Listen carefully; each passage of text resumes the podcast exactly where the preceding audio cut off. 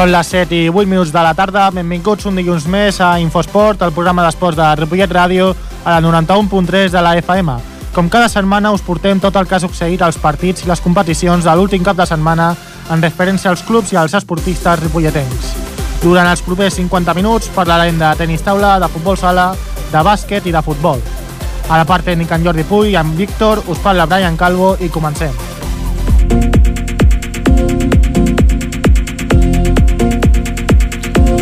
Comencem amb tenis taula. Eh, tenim per via telefònica el Ramon Argenter. Ramon, bona tarda.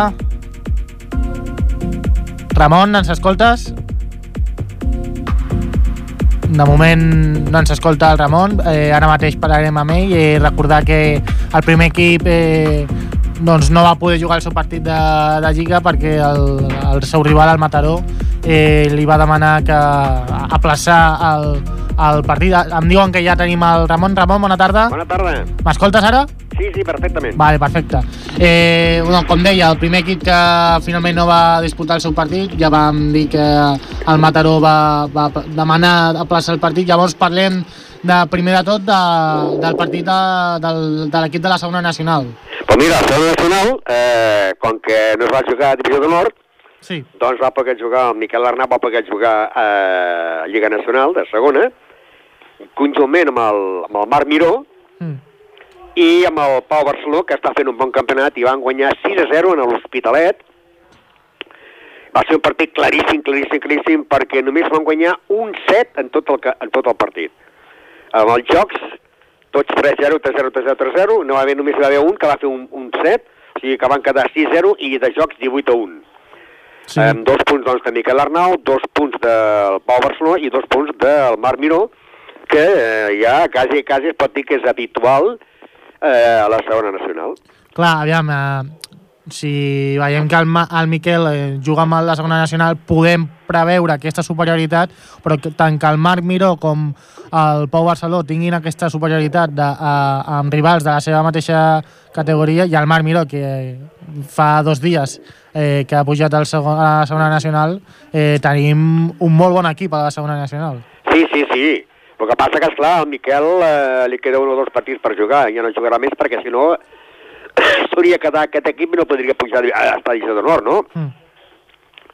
I això ho estan fent doncs, per mantenir la categoria de la Lliga Nacional, que va molt disputada perquè ara encapçalen la classificació l'Esparreguera i el Ripollet amb 8, amb 8 punts. Sí. el mateix que el Sant Cugat, el Sallent, que serà el proper rival del Ripollet, i l'Ateneu en tenen 6, Lluïsos de Gràcia 4, el- l'Hospitalet 4, Sabadell 2, eh, el centre 2, i baixarien, doncs, en aquests moments al centre el, el Figueres i el Parets.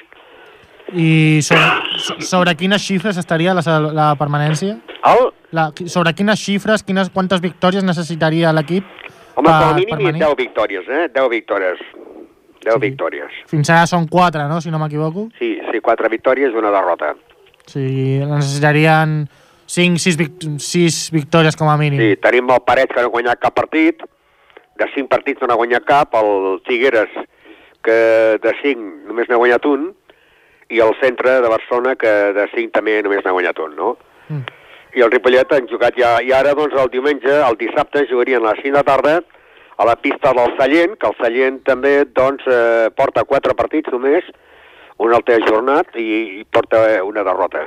Qui- Quins jugadors eh, teniu previstos que jugaran amb el Sallent? El dimecres es decidirà.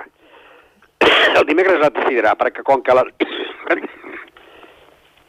Ai, perdó. No, tran tranquil, tranquil. Perquè com que Divisió d'Honor Sis jugarà i Bill Borges, Sí.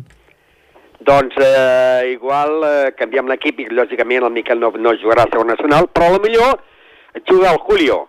El, el Julio Andrade. Aquí està, saps? I llavors dius, ostres, un altre reforç també que un xicot eh, expert en divisió d'honor a jugar dues divisions per sota, don molta moral a l'equip i els altres també, eh, quan venen, veuen, ostres, quan veuen el jugador ja també s'espanta, no? I quan van arribar a l'Hospitalet i va veure el Ripollet ja el Miquel, ostres, mm, hòstia, ja, ja, ja compten amb dos partits eh, perduts, saps? Però no, no s'ho no esperaven.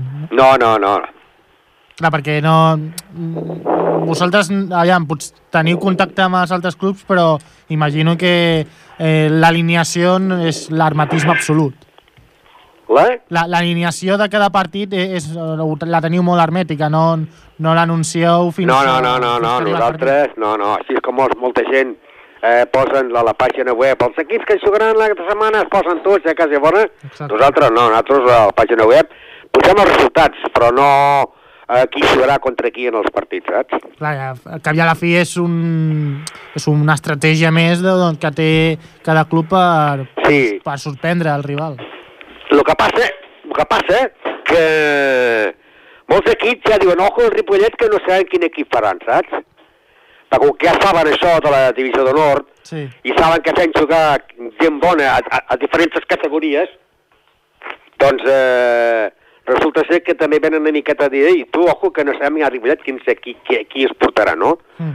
És com nosaltres, quan a divisió d'honor amb les noies, els equips que tenen superdivisió, i de vegades l'estrangera la fan jugar a, a la divisió d'honor. Sí. Vas allà i no saps quin, quin, quina, quina, quin, si faran jugar a l'estrangera o no fan jugar a l'estrangera, si juguen o, o descansen, saps? Clar, perquè uh, el, el, tenis, el tenis taula masculí, hi ha algun cas més com el vostre? Que, feu, que fan jugar, algun club que faci jugar a més d'un jugador en diverses categories? No, eh, sí que ho fan, però eh, de, de súper passar a divisió d'honor. D'acord, d'acord. O sigui que no és, la mateix, no és el mateix divisió d'honor a segona nacional que de super a divisió d'honor. Clar, clar, és que això eh, ho fan els equips que tenen súpers i a vegades eh, tenen jornada de descans o veuen que el partit està guanyat i fan, i fan, i fan descansar el número 1 i, fan descansar el número 1 i llavors entra un altre jugador i llavors et trobes de que, que clar, vas allà i comptaves guanyar el partit i l'has perdut. D'acord, doncs eh, per anar acabant, eh, Ramon, eh, bueno, recordem que el partit amb el Mataró s'ha plaçat. Eh, quin serà, quina serà llavors la propera jornada? Eh, ara, eh, el partit del Mataró se jugarà el dia 19. El dia 19 a les 11, a les 11 del matí. Però llavors aquesta setmana tenim problemes, perquè no sabem què passarà.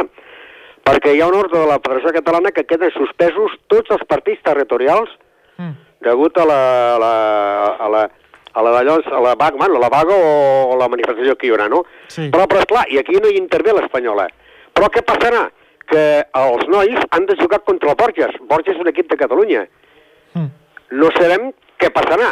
Si el Borges demanarà uh, l'aplaçament, cosa que és difícil perquè perquè això s'ha en 15 dies d'antelació i, i això és pel dissabte que ve, De moment no s'ha fet res, no? no sabem res de res, i clar, la federació ho ha fet perquè no passés el que va passar eh, el dia 1 de- de- d'octubre, que, molts, Sí. que molts de gent jugava a pavellons o col·legis i es van tancar, doncs, i perquè no hi haguessin manifestacions i els clubs arribessin tard als, als partits, no? S'han suspès totes les territorials, l'únic és, clar, dona casualitat que un equip català de Girona Nord ve a Ripollet, i seria dissabte a les 5 de la tarda. A Sí. principi deien que la, la manifestació seria el dia 12, i ara em sembla que serà el dia 11. Ara l'ha passat el dia 11, per tant, esclar, eh, això sabem i no sabem què passarà. Si vindran, arribaran tard, i clar, i si arriben tard, l'Espanyola, pues, la- l'àrbit aquí, si arriba l'àrbit, els pot multar si arriben tard, no? I poden, i poden, i poden, perdre, i poden perdre el partit, no?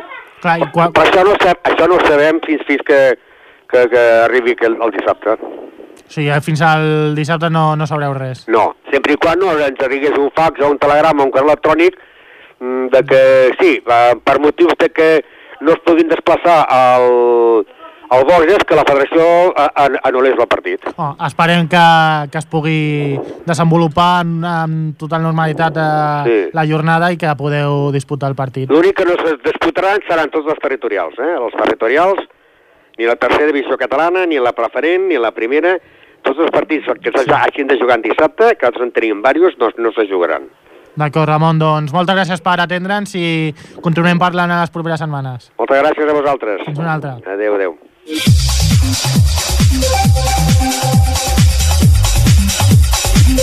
Continuem amb el programa i passem al futbol sala que el nostre company, el Marc Mata, ens porta l'actualitat del futbol sala Ripollet. Bona tarda. El Ripollet va disputar dissabte a la tarda en el pavelló Joan Creus la setena jornada de Lliga contra la Raona, amb qui, a qui va guanyar per 5 a 3. L'equip de Sergio Oruc, que es troba a tercera divisió nacional, va sortir endollat i quan només havien passat 6 minuts, els ripolletens van estrenar el marcador 1-0, un gol marcat per Dani Portillo i que va fer que el pavelló retombés arran de l'alegria de tots els aficionats que hi havia. L'alegria va continuar perquè un minut després Raúl Prados, jugador del, de la Raona, va fer el 2-0 donant el, el gol a l'equip local. Els intents de gol per amb dos equips van continuar, però sense cap gol més. En el minut 29, els visitants van fer el 2 a 1 en el marcador i poc després Dani Portillo va tornar a marcar per donar el 3 a 1 al Ripollet i, marcant, i així marcant el seu segon gol. Més tard, eh, els visitants van marcar el 3 a 2 i dos minuts després David Capell, jugador del, del Ripollet, va fer el 4 a 2. En el mateix moment va tornar a marcar per segon cop David Capell fent el 5 a 2 i, per, i un minut després es va veure l'últim gol del partit, aquest cop pels visitants, deixant definitivament el, el marcador 5 a 3. Al final del partit, Dani Portillo, jugador del, del Ripollet, va valorar el partit davant els micròfons d'Infosport. No, bien, hemos, hemos hecho una primera parte con ocasiones, luego hemos conseguido, no hemos conseguido marcar todas las que hemos querido y bueno, el partido así se ha puesto un poquillo más puesta arriba, pero bueno, la segunda parte hemos sabido controlarlo y marcar las que hemos podido. Hemos podido ver que sobre todo en la, en la primera parte habéis tenido, os ha sido más fácil eh, estrenar el marcador, ¿no? Sí, sí, lo hemos estrenado así rápido los primeros minutos, que es lo que queríamos, salir con intensidad para poder, para poder matar el partido lo antes posible, ¿no? Y bueno, así ha sido, luego hemos cogido esa ventaja y hemos podido aprovechar. Hasta pocos minutos del final del partido ibais eh, vosotros con el marcador, habíais conseguido que, que el visitante no marcara ningún gol pero al final del partido ya os han metido eh, tres, de, tres goles. ¿Cómo afrontabais este, este partido? Bueno, como uno más. Veníamos de, de una derrota, la primera de la liga, y bueno, pues con ganas de, de, hacer un buen partido y sacar un buen resultado para, para seguir con una buena dinámica y no caer ahí en la derrota. ¿Qué autocrítica puedes hacer de este partido si es que la hay? Sí, claro, siempre hay. Digo que pues marcar, finalizar todas las jugadas que tengamos, finalizar y finalizar, porque luego eso, llegamos siempre justo a los minutos finales y para que no pase eso, marcar, marcar más goles. ¿Cómo, cómo estás valorando esta, esta temporada? Bien, bien. Somos recién descendidos y bueno, queremos conseguir la categoría lo antes posible. Así que con ganas y, y ilusión. El fútbol sala es un deporte que aquí en Ripollet tiene mucha afición. ¿Crees que esto os, os, ayuda a poder, a poder conseguir victoria? Sí, hombre, está claro. Siempre, cada vez que jugamos aquí, tanto aquí como fuera, viene la gente a apoyarnos y eso pues, nos ayuda mucho, verdad. Ver el pabellón así nos motiva y, y hace que demos más del 100% por ellos, nada más por ellos. ¿Cuál es vuestro objetivo esta temporada?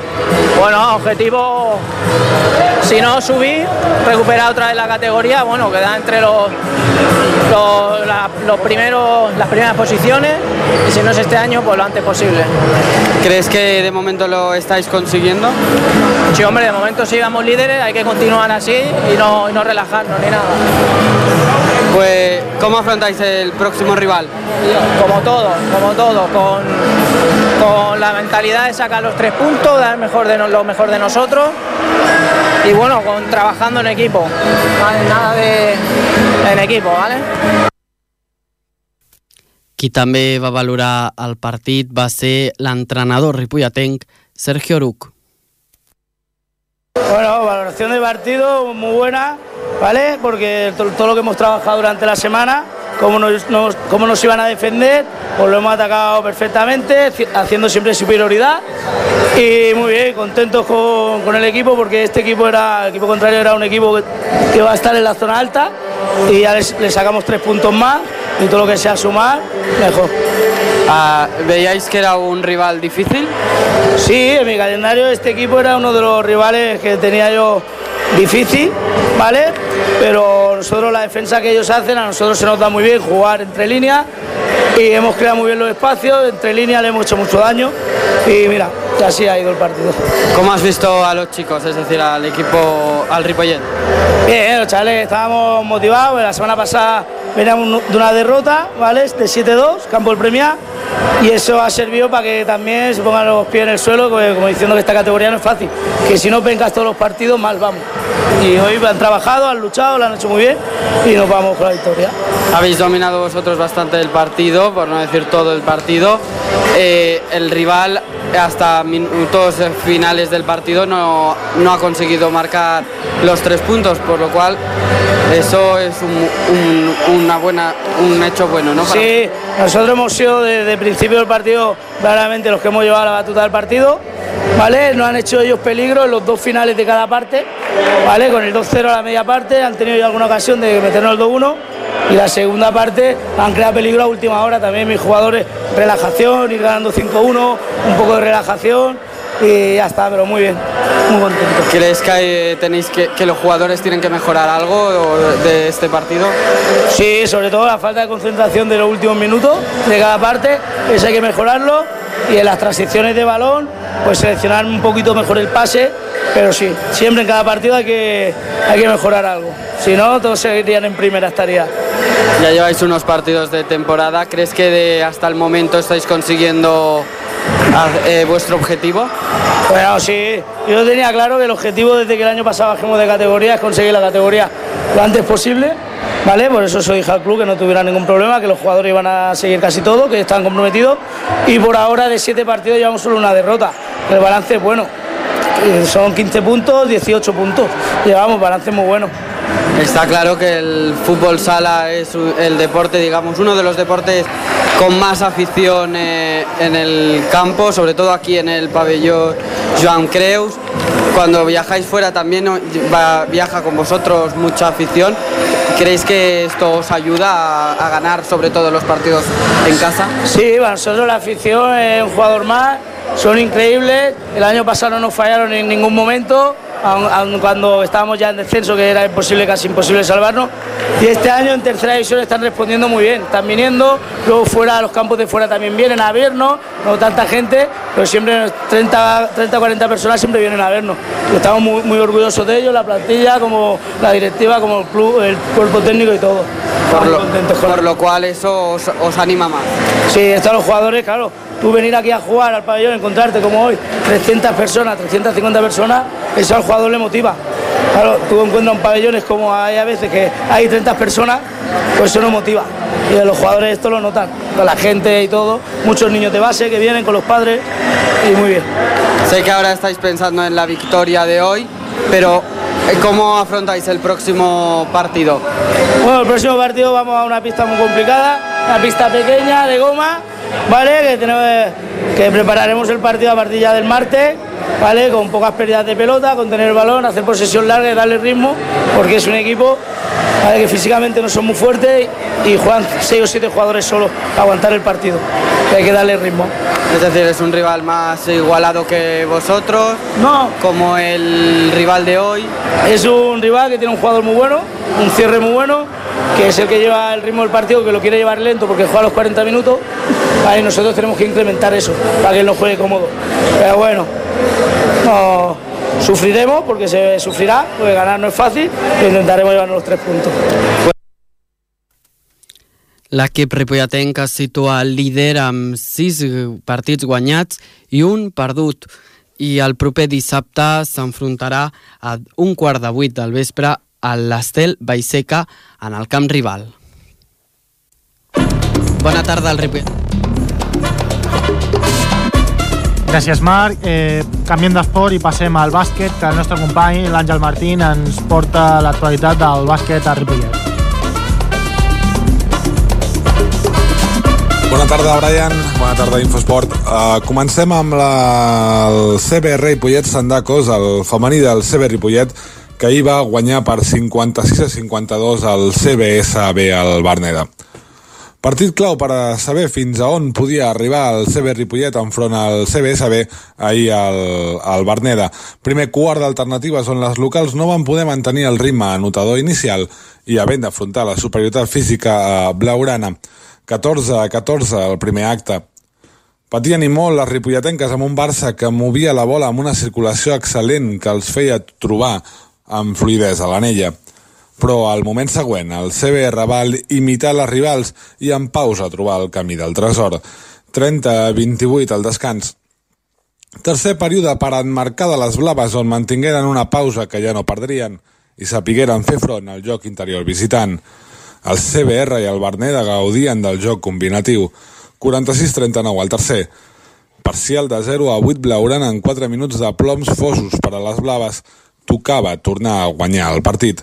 Triple de Neus per trencar 6 minuts en blanc i posar novament el CBR2 per sobre.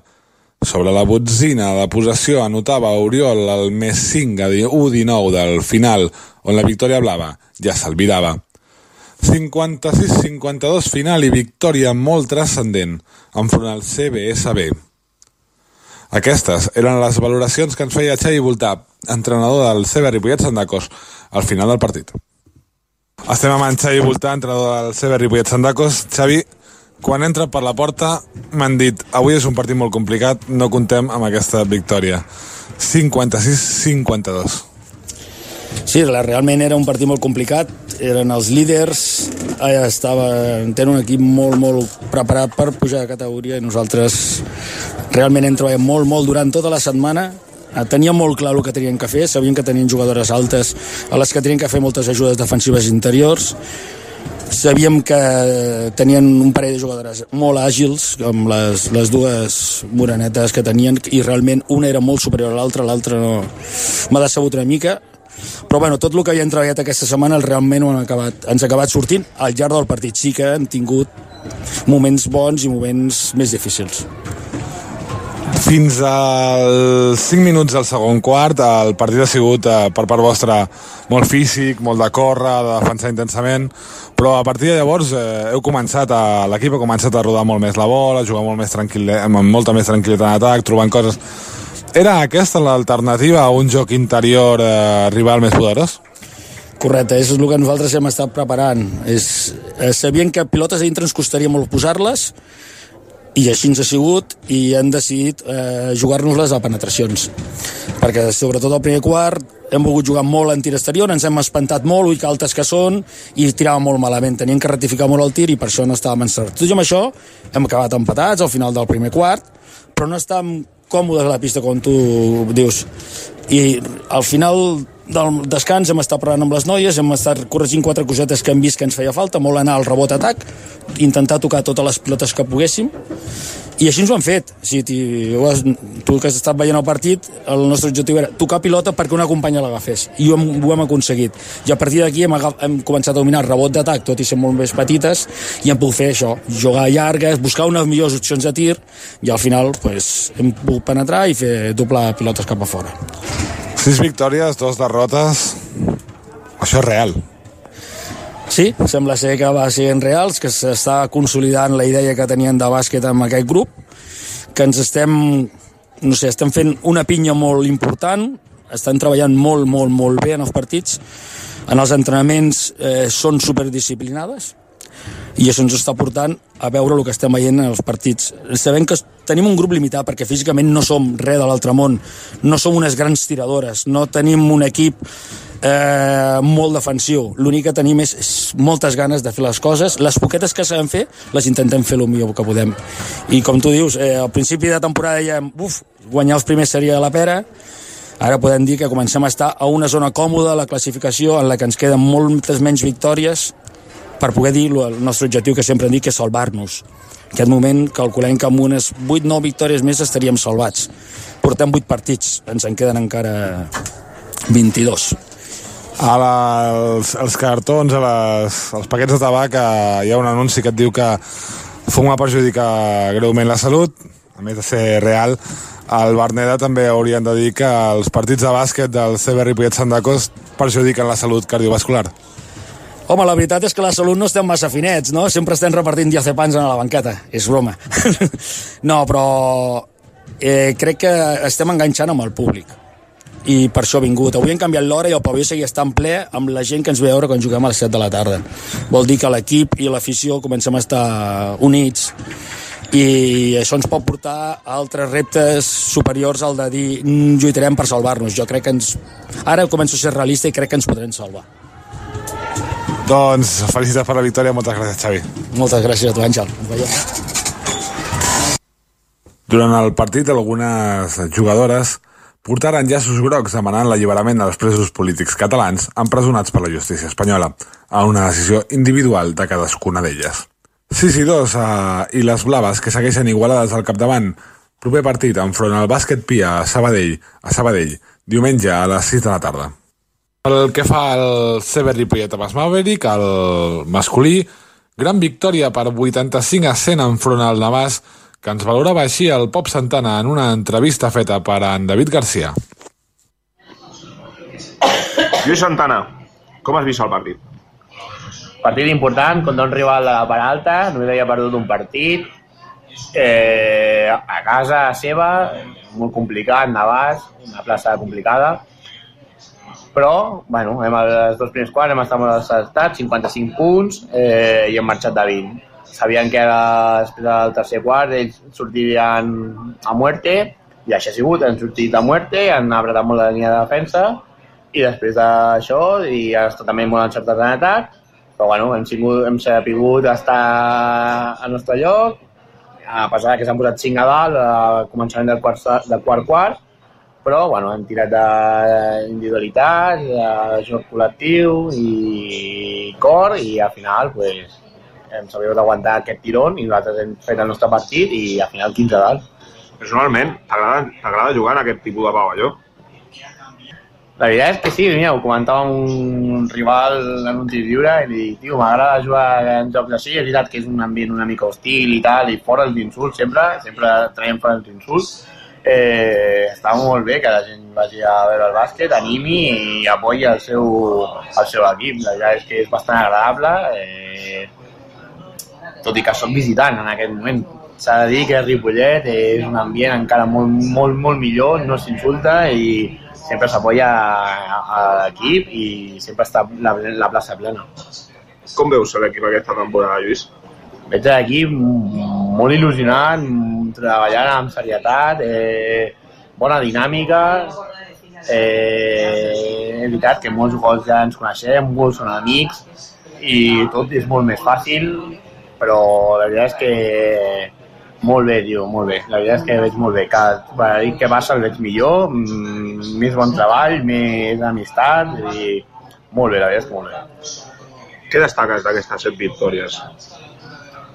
Que, bueno, hi ha hagut rivals que han sigut més fàcils, més difícils, que rivals fàcils, mai quan ha sigut un rival fàcil, mai s'ha hagut de s'ha baixat els braços en el sentit de bueno, tio, anem guanyant de 20, anem a aguantar el resultat. No, no, no. Anem, anem a guanyar i a guanyar bé. Anem a fer el nostre joc. I quan arribar ha sigut difícil i s'han apropat o hem vist maldades i tal, que mai l'equip ha baixat els braços i sempre hem fet el nostre joc, sabem el que juguem i el, el que volem. I al final aquestes victòries és el reflexe d'això que he dit anteriorment. On creus que ha de millorar aquest equip? És una pregunta complicada. Segurament, bueno, acoplar una mica més les peces, conèixer una mica més en, eh, entre nosaltres, en aquest sentit, per poder donar un punt més, saps? I, eh, al camp, vull dir, si un passe, saber on està un passe, un jugador, un company i tal, bueno, però és temps, acoplar les noves peces i poca cosa més, de realment. Les peces al final eh, necessites jugar perquè molts companys són amics a vegada, fora de pista, però no hi han jugat mai junts i és complicat a vegades acoplar aquestes peces, però bueno, només aquest, això d'aquest sentit, només això, a vegades un, un punt d'intensitat o desconnexions, però bueno, tampoc és una cosa relevant això. A nivell personal, és aquesta la teva millor temporada aquí al CBR?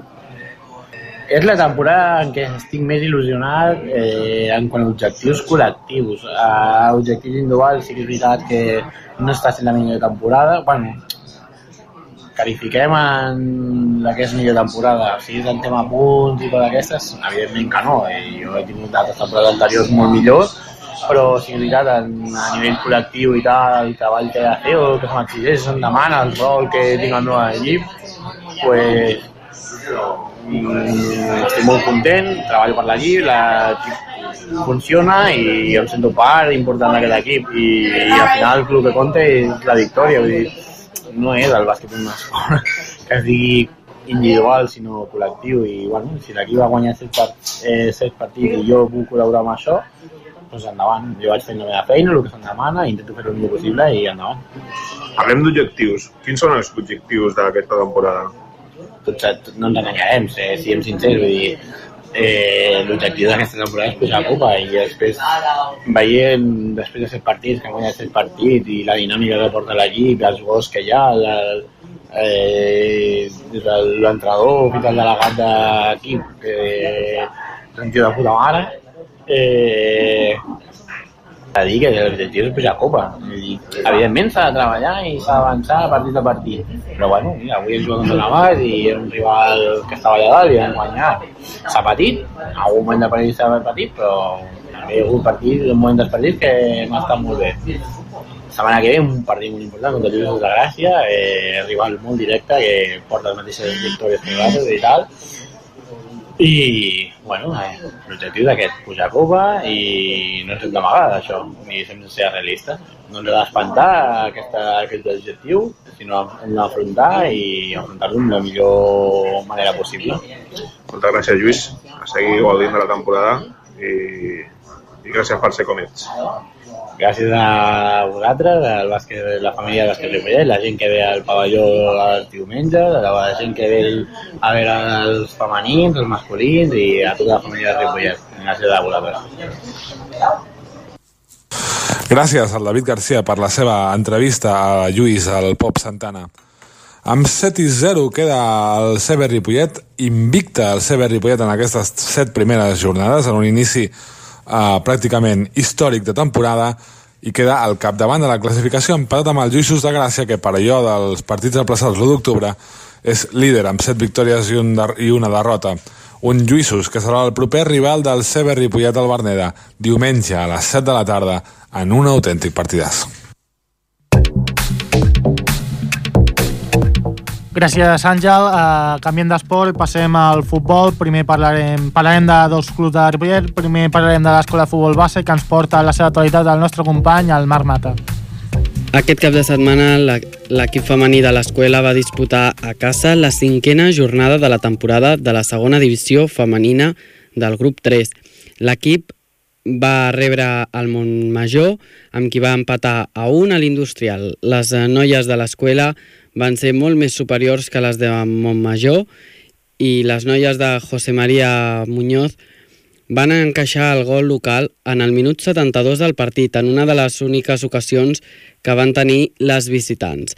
Però abans del, en el primer temps, les visitants van en- estrenar el marcador a 30 minuts del maig. Per parlar d'aquest partit comptem amb, amb Laura Sánchez, jugadora de l'escuela. Buenas tardes, Laura. Hola, buenas tardes. Bueno, cuéntanos cómo fue el partido. Pues el partido creemos que fue bastante igualado. Eh, jugamos los dos equipos bastante iguales. Lo único que tal vez nosotras tuvimos un poco de, o sea, más ocasiones, porque llegamos bastante a portería y ella- ellas en cambio llegaron la ocasión del gol y en la segunda parte alguna vez. Lo que pasa que, mm, bueno, también fue un partido que fue a ratos, a ratos jugábamos mejor y a ratos pues era como que bajábamos el ritmo y nos relajábamos. Pero bueno, como balance creemos que fue un partido bueno porque mejoramos en algunos aspectos y por lo que he dicho de los cambios de ritmo pues que aún nos queda por mejorar eso. Ujú. ¿En qué mejorasteis? ¿En qué aspectos eh, eh, son estos que dices que mejorasteis? Bueno, pues nos costaba mucho con las jugadoras del medio dar velocidad al juego y creo que en este partido se vio que, que intentaban hacer los cambios de juego más rápido, cambiar el balón de lado más rápido. Sobre todo esto fue lo que yo vi por mi parte y, y ya está. Yo eso es lo que más puntualizo porque el resto del equipo creo que lo hizo bastante bien. Jugabais en casa, eh, ¿crees eh, gran parte de, la, de las veces de las victorias de los equipos suelen ser en casa porque se sienten más cómodos? ¿Es vuestro caso? Uh, yo creo que sí. A nosotros también nos influye mucho el equipo que tenemos delante, porque si es un equipo que van por que van por encima nuestro, que son superiores a la hora de jugar, a nosotros nos va mejor porque creo que jugamos mejor. Y cuando es al contrario, que es un equipo inferior, es como que nos ponemos a su nivel y jugamos más lento, tenemos más fallos. Pero bueno, yo creo que el jugar en casa siempre ayuda, ¿no? Sentir también que tienes, no tenemos mucha afición, ¿no? Pero bueno, que conoces a la gente que está en la grada y tal, yo creo que eso también ayuda mucho. Uh -huh. es, eh, ha sido la quinta jornada. ¿Cómo valoras estas cinco jornadas en lo que lleváis de, liga? Pues, a ver, yo mmm, creo que bastante bien. Más que nada porque, como ya dijimos al principio que hicimos la entrevista con vosotros, nuestro objetivo era ir mejorando y sobre todo disfrutar jugando y creo que poco a poco lo estamos consiguiendo, ¿no? Que supongo que para que lleguen las victorias y tal, pues aún nos queda un poco porque nos falta mejorar mucho individualmente también, pero pero bueno, yo creo que como, como equipo estamos mejorando bastante. Uh -huh. ¿Ya estáis disfrutando? Sí, sí, sí. Uh -huh. Yo creo que sí, vamos. Es que aunque perdamos, eh, muchas veces eh, salimos como mejor cuando hemos perdido un partido, pero en cambio lo hemos jugado bien. No siempre es eh, sentirte mejor por ganar. Uh -huh. os, os, enfrentasteis al Montmajor ayer. Uh, ¿Cómo afrontabais este partido? Pues a ver, no conocíamos mucho al, al equipo contrario, pero sabíamos que más o menos estábamos bastante igualados en, en la tabla.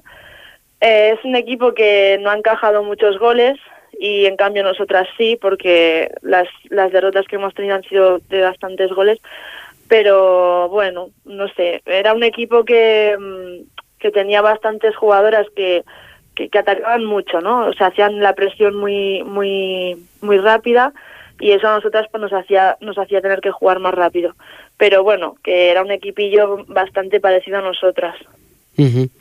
Eh, de los partidos ya que habéis jugado cuál eh, qué, equipo creéis que, es el más difícil bueno yo sinceramente no conozco mucho los equipos pero más que nada fue el, el partido anterior que jugamos contra el Gymnastic Manresa creo que de los cinco que hemos jugado creo que es el equipo que mejor juega y son de los que están por encima de, de nosotras en la, en la clasificación. Siempre son los equipos que, que están desde la primera posición hasta la quinta, son los que suelen jugar mejor y son uh -huh. más difíciles de, de ganar. La semana que viene viajáis a Sulsona sí. el sábado. ¿Cómo afrontáis ese, ese partido?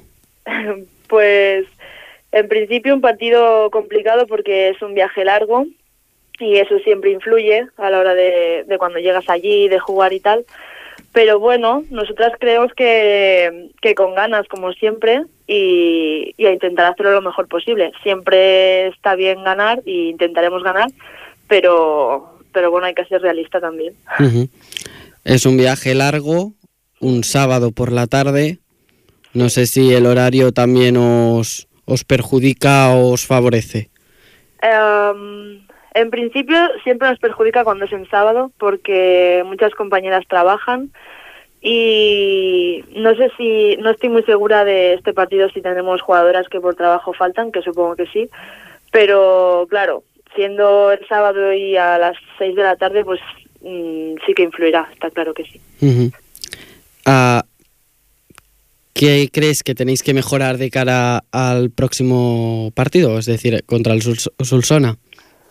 Pues yo creo que lo que venimos, porque después de los partidos, los lunes en el entrenamiento siempre hacemos valoración y es lo que son los temas que siempre salen, ¿no? El, el tema de mover rápido el balón, de hacer cambios de juego rápido para siempre mantener la posesión del balón y, y ya está, es que principalmente es eso, que sí que falta mejora individual por parte de todas, pero eso ya poco a poco se irá trabajando en los entrenamientos, pero a nivel de equipo yo creo que, que el mantenimiento del balón es, es, lo más importante ahora mismo. ¿Qué os dice eh, José María? Pues mm, em, él es una persona muy positiva, yo creo. Eh, él siempre hace valoraciones positivas y, y cree que este partido, por ejemplo, lo hicimos bastante bien. Eh, yo creo que somos más críticas nosotras con nosotras mismas que él, pero él yo creo que está de acuerdo con nosotras en, en sobre todo mantener el, el balón y, y jugar, jugar nosotras y que se canse el contrario. Déjame que vuelva al partido de ayer. Hmm. ¿Qué pasó eh, en el descanso para que todo cambiara un poco? Porque ve- veíam- veíamos ah, por el resultado que, que la primera parte os fue más difícil de, de marcar gol eh, y lo marcasteis en la segunda parte. ¿Qué pasó en, ese, en esos minutos de descanso y qué os dijo eh, José María para que todo cambiara un poco?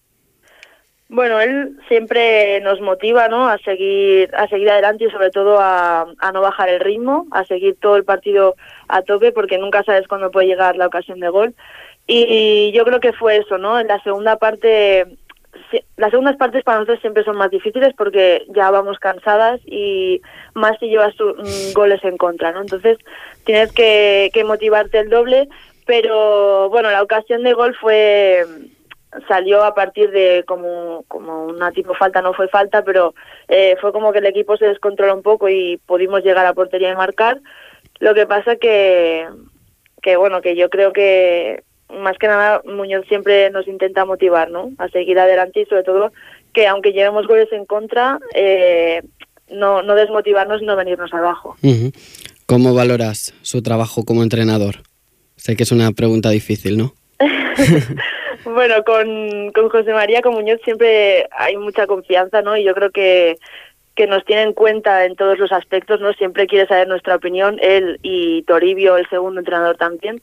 Y yo creo que eso es algo muy positivo, ¿no? Hacer balance todos juntos como equipo. Y, y ya está, yo creo que es, es buen entrenador porque nos está nos está entrenando para, bueno, lo que te digo, ¿no? Eh, mantener el balón, saber dar salida a las compañeras, etcétera. O sea que yo por mi parte bien. ¿Y tú qué crees que puedes aportar al equipo? bueno, eh, no sé, cada uno aporta lo que puede y lo que sabe, pero mm, yo creo que las ganas por, por jugar y, y por hacer equipo yo creo que es, que es muy importante, ¿no? No, no valoramos tanto si, si una jugadora es muy buena o tal vez sea más, más torpe jugando, sino que aquí somos todas una gran piña, como decimos, y, no sé, nos, nos apoyamos las unas a las otras.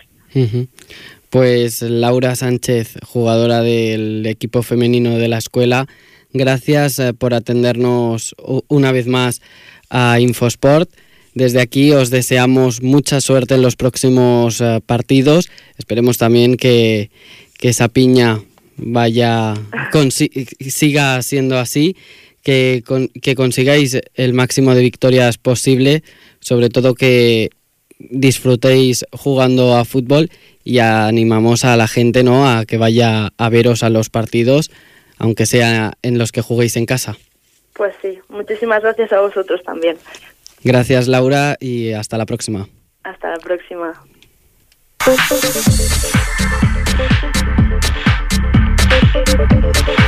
Gràcies, Marc. I per acabar el programa d'avui eh, parlarem del Ripollet de Futbol, que va disputar una nova jornada de Lliga a, a la segona catalana, el grup 4, i que va guanyar per un ajustat 1-0 a, a casa davant el Vic Ru- Rui I, fins ara un dels líders del grup. Per parlar del partit tenim per via telefònica el Cadmo Buenache. Cadmo, buenas tardes. Hola, buenas tardes, ¿qué tal? Como comentaba, pues eh, victoria ajustada por 1-0 en casa y contra el, uno de los líderes de- del grupo, con- contra el Vic Río Primé. Eh, coméntanos un poco cómo, cómo viste el partido desde el césped.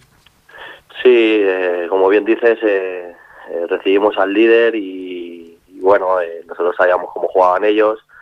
Eh, la verdad es que hicimos un partido muy serio, eh, un partido bonito de ver y la verdad es que nosotros en casa solo hemos dejado escapar dos puntos y son muy fuertes. Y bueno, sabíamos cómo, cómo jugaban, sabíamos su fuerza y por suerte eh, nos llevamos la victoria. Ahora mismo, eh, bueno, he de comentar que para los que vean eh, vuestra posición en la web de la Federación Catalana de Fútbol, tienen que tener en cuenta que hay un pequeño, bueno, un pequeño, un gran error, según como se quiera ver, y es que en el acta pone que empatasteis a cero, por lo tanto eh, hay dos puntos que se os tiene que sumar en esta clasificación y pone que tenéis 14, deberíais tener 16 puntos, estáis novenos y a, a 9 puntos del liderato. Eh, el objetivo es recuperar, eh, bueno, luchar por el ascenso con los líderes y recuperar la primera la, categoría de primera catalana que se perdió la temporada pasada o cuál sería? Sí, eh, bueno, el objetivo es, partido a partido, es un tópico, pero es la realidad. El objetivo no lo ponemos nosotros, y que es verdad que nos gusta competir y nos gusta estar lo más arriba posible y los que estamos, pues claro que nos gustaría volver a la categoría que perdimos el año pasado, pero bueno, vamos a ver poco a poco, esto acaba de empezar, sí que es verdad que el líder nos saca nueve puntos, pero bueno, yo creo que poco a poco eh, son nuevos fichajes, hay 14, 13, 14 jugadores nuevos del año pasado, sí. la filosofía de juego es totalmente diferente, la categoría es totalmente diferente, yo creo que poco a poco irán eh, aportando lo que queremos y, bueno, y veremos a ver al final, pero sí que yo, por ejemplo, mi objetivo es subir, claro, no, hay otra. Y hasta ahora, eh, teniendo en cuenta todas todos estos factores, la acoplación de los nuevos fichajes, eh, los resultados hasta ahora, ¿estáis satisfechos con este inicio de temporada? Sí, la verdad es que sí, eh, hemos tenido bajas de algunos jugadores, somos pocos, pero, pero bueno, estamos contentos con todos es muy difícil empezar desde cero un nuevo proyecto eh, con gente nueva, la filosofía de juego es, es, muy difícil. Eh. Pero bueno, ahí estamos eh, trabajando duro e intentando que los resultados nos acompañen y, ya está, no hay más, hay que trabajar. Mm, ¿Qué tal la, relación entre el, más allá de la relación del vestuario con el cuerpo técnico y en especial con el entrenador, con Xavier Pérez? Habéis eh, ¿qué, es la, cuál es su propuesta para que conozcamos aún más eh, la propuesta de vuestro entrenador? ¿Cuál es su propuesta y cómo está siendo este proceso de adquisición de la propuesta en el, equipo? Eh, la propuesta de Xavi Pérez es, ser protagonistas en cada partido. es muy difícil de ser protagonista en cada partido, es mantener la pelota y generar ocasiones. cuanto más generes y más creas, mejor para el equipo. Sí. La verdad es que estamos muy contentos con él porque los entrenamientos son muy buenos.